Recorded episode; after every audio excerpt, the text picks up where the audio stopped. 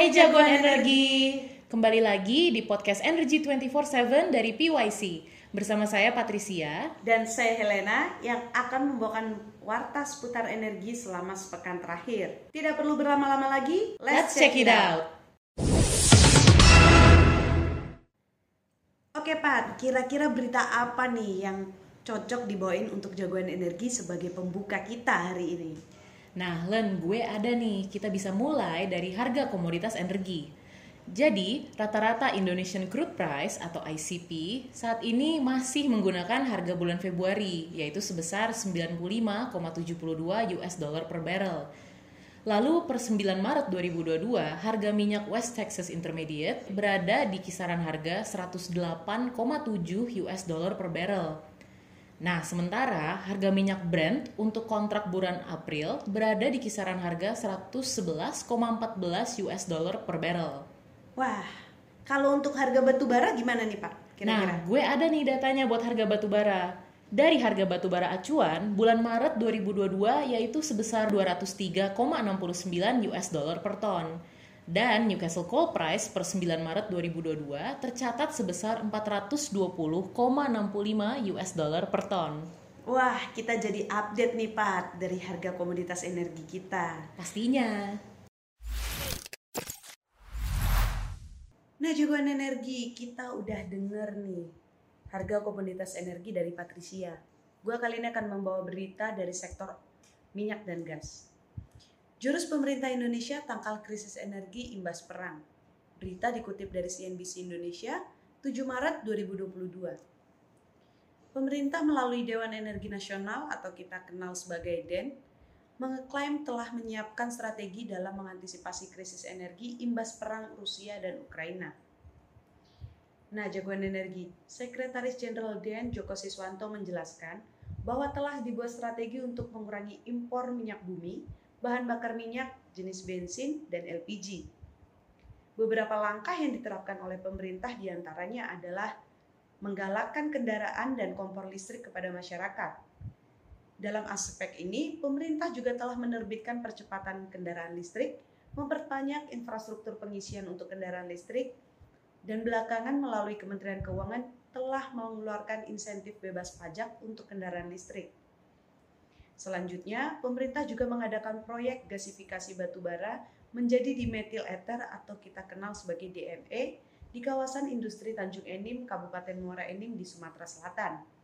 Proyek ini berperan sebagai pengganti LPG sehingga bisa mengurangi impor LPG yang selama ini mencapai 6 hingga 7 ton per tahun atau sekitar 80% dari kebutuhan LPG di dalam negeri.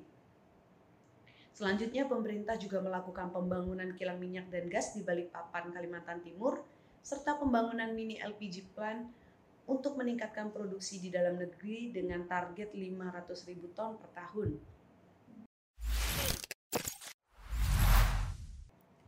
Wih Len, keren banget ya. Memang pemerintahan Indonesia selalu punya banyak cara untuk menangani krisis energi di Indonesia. Nah, gue sekarang ada berita dari sektor minerba. Cuan importir batubara Eropa putar arah dari Rusia ke RI. Berita dikutip dari CNBC Indonesia tanggal 9 Maret 2022. Nah, jagoan energi, Direktur Eksekutif Asosiasi Perusahaan Batubara Indonesia atau APBI, Hendra Sinadia, menyampaikan bahwa dampak dari perang Rusia dan Ukraina adalah terganjalnya pasokan batubara dari Rusia. Sehingga negara-negara di Eropa tengah mencari suplai batubara dari negara-negara lain – utamanya dari Indonesia. Hendra mengatakan bahwa terdapat buyer dari beberapa negara di Eropa yang sedang menjajaki atau mencari suplai batubara dari Indonesia, seperti negara-negara Eropa Barat dan Eropa Timur yang selama ini menjadi importir batubara dari Rusia. Staf ahli Menteri ESDM bidang percepatan tata kelola mineral dan batubara Irwandi Arif melihat dalam konteks global bahwa saat ini China belum bisa melakukan impor batubaranya dari Rusia. Yang mana Rusia memberikan ekspor batubara ke China hingga 17% dari total produksi batubara sebanyak 420 juta ton tahun ini. Irwandi menilai bisa saja batubara dari Indonesia mengganti batubara asal Rusia itu, terutama untuk diekspor ke China. Pasalnya, saat ini hubungan antara Indonesia dan China sangat baik. Ia bilang pengaruh perang Rusia dan Ukraina itu memang sangat mempengaruhi negara-negara Eropa saat ini. Sementara dampak ke Asia belum begitu terasa. Oke jagoan energi, kita dari tadi udah denger nih bagaimana strategi pemerintah imbas dari perang Rusia Ukraina. Sekarang kita beralih ke sektor kelistrikan jagoan energi. PLN segera operasikan PLTS hybrid selayar dengan investasi sebesar 39,5 miliar rupiah. Berita dikutip dari Tempo 6 Maret 2022. PT PLN Persero segera mengoperasikan pembangkit listrik tenaga surya atau yang kita kenal sebagai PLTS hybrid dengan kapasitas 1,3 MW peak di Desa Parak, Kecamatan Bontomanai, Kabupaten Selayar, Sulawesi Selatan. Nilai investasi PLTS hybrid yang dibangun di atas lahan seluas 1,46 hektar itu mencapai 39,5 miliar. Direktur Utama PLN Darmawan Prasojo juga memaparkan bahwa PLN sudah menyusun peta jalan untuk melakukan transisi energi dari energi fosil ke energi terbarukan. PLN akan terus melakukan pembangunan pembangkit listrik yang berbasis pada energi terbarukan. Nah, jagoan energi, PLTS terbesar di Sulawesi Selatan ini bisa meningkatkan EBT serta mendukung komitmen Indonesia sebagai tuan rumah KTT G20 dalam mempercepat transisi energi hijau. Sumbangsih dari PLTS ini bisa menurunkan emisi karbon sebesar 1.400 ton karbon dioksida atau CO2 per tahun. Selain itu jagoan energi, PLTS hybrid ini juga diharapkan dapat meningkatkan potensi objek-objek wisata dan juga mendorong kegiatan ekonomi masyarakat karena sistem kelistrikan yang semakin andal. Operasional PLTS hybrid Selayar secara komersil ditargetkan pada semester 1 2022. Dengan beroperasinya PLTS hybrid Selayar, maka total daya sistem kelistrikan Selayar sebesar 11,65 MW dengan beban puncak adalah 6,4 MW. Sehingga masih terdapat cadangan daya sebesar 5,25 MW. Nah, kita udah bicara nih Pat, soal transisi energi di Indonesia yang dicanangkan oleh PLN. Kira-kira ada nggak nih berita dari sektor energi baru dan terbarukan? Nah, kita hari ini ada dua berita dari sektor energi baru terbarukan. Yang pertama, Anies berencana ganti kendaraan dinas Pemprov DKI dengan kendaraan listrik.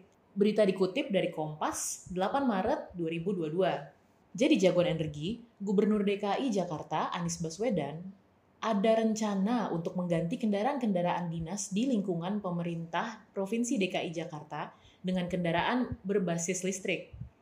Namun, penggantian kendaraan dinas konvensional dengan kendaraan yang berbasis listrik akan diterapkan secara bertahap.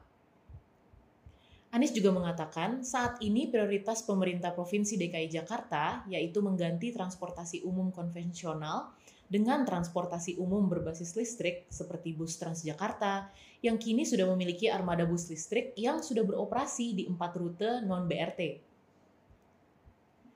Menurut Anies, persoalan lalu lintas di Jakarta tidak selalu tentang polusi udara, peran jumlah kendaraan yang semakin banyak juga menjadi masalah yang serius terhadap kemacetan di Jakarta. Jika Pemprov DKI memprioritaskan penggantian kendaraan pribadi atau kendaraan dinas berbasis listrik, maka tidak akan mengubah masalah kedua, yaitu kemacetan. Nah, berita yang lu bawain tuh menarik, Pak. Kalau tadi adalah upaya Gubernur DKI Jakarta untuk menuju EBT. Kali ini kita lihat nih berita dari dua BUMN Indonesia untuk mencapai energi baru terbarukan. Nah, mantep tuh Lan, jagoan energi. Yuk kita dengar. Pasang solar panel di stasiun, KAI tanda tangani MOU dengan Pertamina NRE. Berita dikutip dari Kontan 9 Maret 2022. Nah, jagoan energi, PT Kereta Api Indonesia Persero telah menandatangani nota kesepahaman atau MOU dengan Pertamina NRE tentang pengembangan energi baru dan terbarukan di aset KAI pada tanggal 9 Maret 2022 lalu. Melalui sinergi BUMN ini, KAI dan Pertamina NRE akan mendukung program pemerintah menyambut presidensi G20 Indonesia terkait isu prioritas transisi energi berkelanjutan. Adapun MOU tersebut adalah langkah awal dalam melakukan penerapan transisi energi menuju energi baru terbarukan seperti penerapan teknologi on-grid system maupun hidrogen. MOU ini juga mencakup kerjasama strategis untuk melakukan studi kelayakan, pengembangan dan potensi penerapan proyek PLTS. Nah, jagoan energi nantinya KAI juga akan melakukan pemasakan rooftop solar panel on-grid untuk menunjang kebutuhan daya listrik di stasiun kereta api serta bangunan lainnya yang ada di aset-aset perusahaan. Sementara, Pertamina NRE sendiri telah memasang PLTS di berbagai lokasi baik eksternal maupun internal Pertamina. Tahun lalu, Pertamina NRE telah memasang PLTS di kawasan ekonomi khusus atau KEK Seimangke dengan kapasitas terpasang 2 MWP, PLTS RU 4 Cilacap berkapasitas 1,34 MWP dan PLTS RU2 Dumai berkapasitas 2 MWP. Nah, jagoan energi di samping itu Pertamina NRE juga telah menyediakan PLTS atap di 129 titik SPBU Pertamina. Sehingga total yang telah menggunakan PLTS atap saat ini mencapai 141 SPBU. Wih, jagoan energi. Hari ini kita udah denger banyak banget berita yang menarik nih. Jadi, kita jangan lupa untuk mendukung program dari pemerintah dan BUMN untuk menyambut presidensi G20 dan transisi energi di Indonesia. Nah, sebelum kita akhiri nih, Pat, gue ada info menarik nih buat jagoan energi semua. Terutama untuk jagoan energi yang duduk di bangku SMA. BYC akan mengadakan lomba esai dan poster yang berkaitan dengan topik energi buat kalian semua yang ada di SMA, buat adiknya atau saudaranya, silakan cek Instagram at PYC Community sebagai Instagram terbaru dari PYC. Ah iya nih jagoan energi, jangan lupa ya follow akun Instagram terbaru kita at PYC Community. Lalu jangan lupa juga untuk follow media sosial kita yang lain. Ada Instagram, Twitter, LinkedIn, dan Facebook. Lalu subscribe juga ke channel YouTube kita di Purnomo Yusgiantoro Center. Nah, jagoan energi, kita sampai nih di akhir podcast kita. Sekian dari Energi 24/7 minggu ini. Stay, Stay safe and see you next week.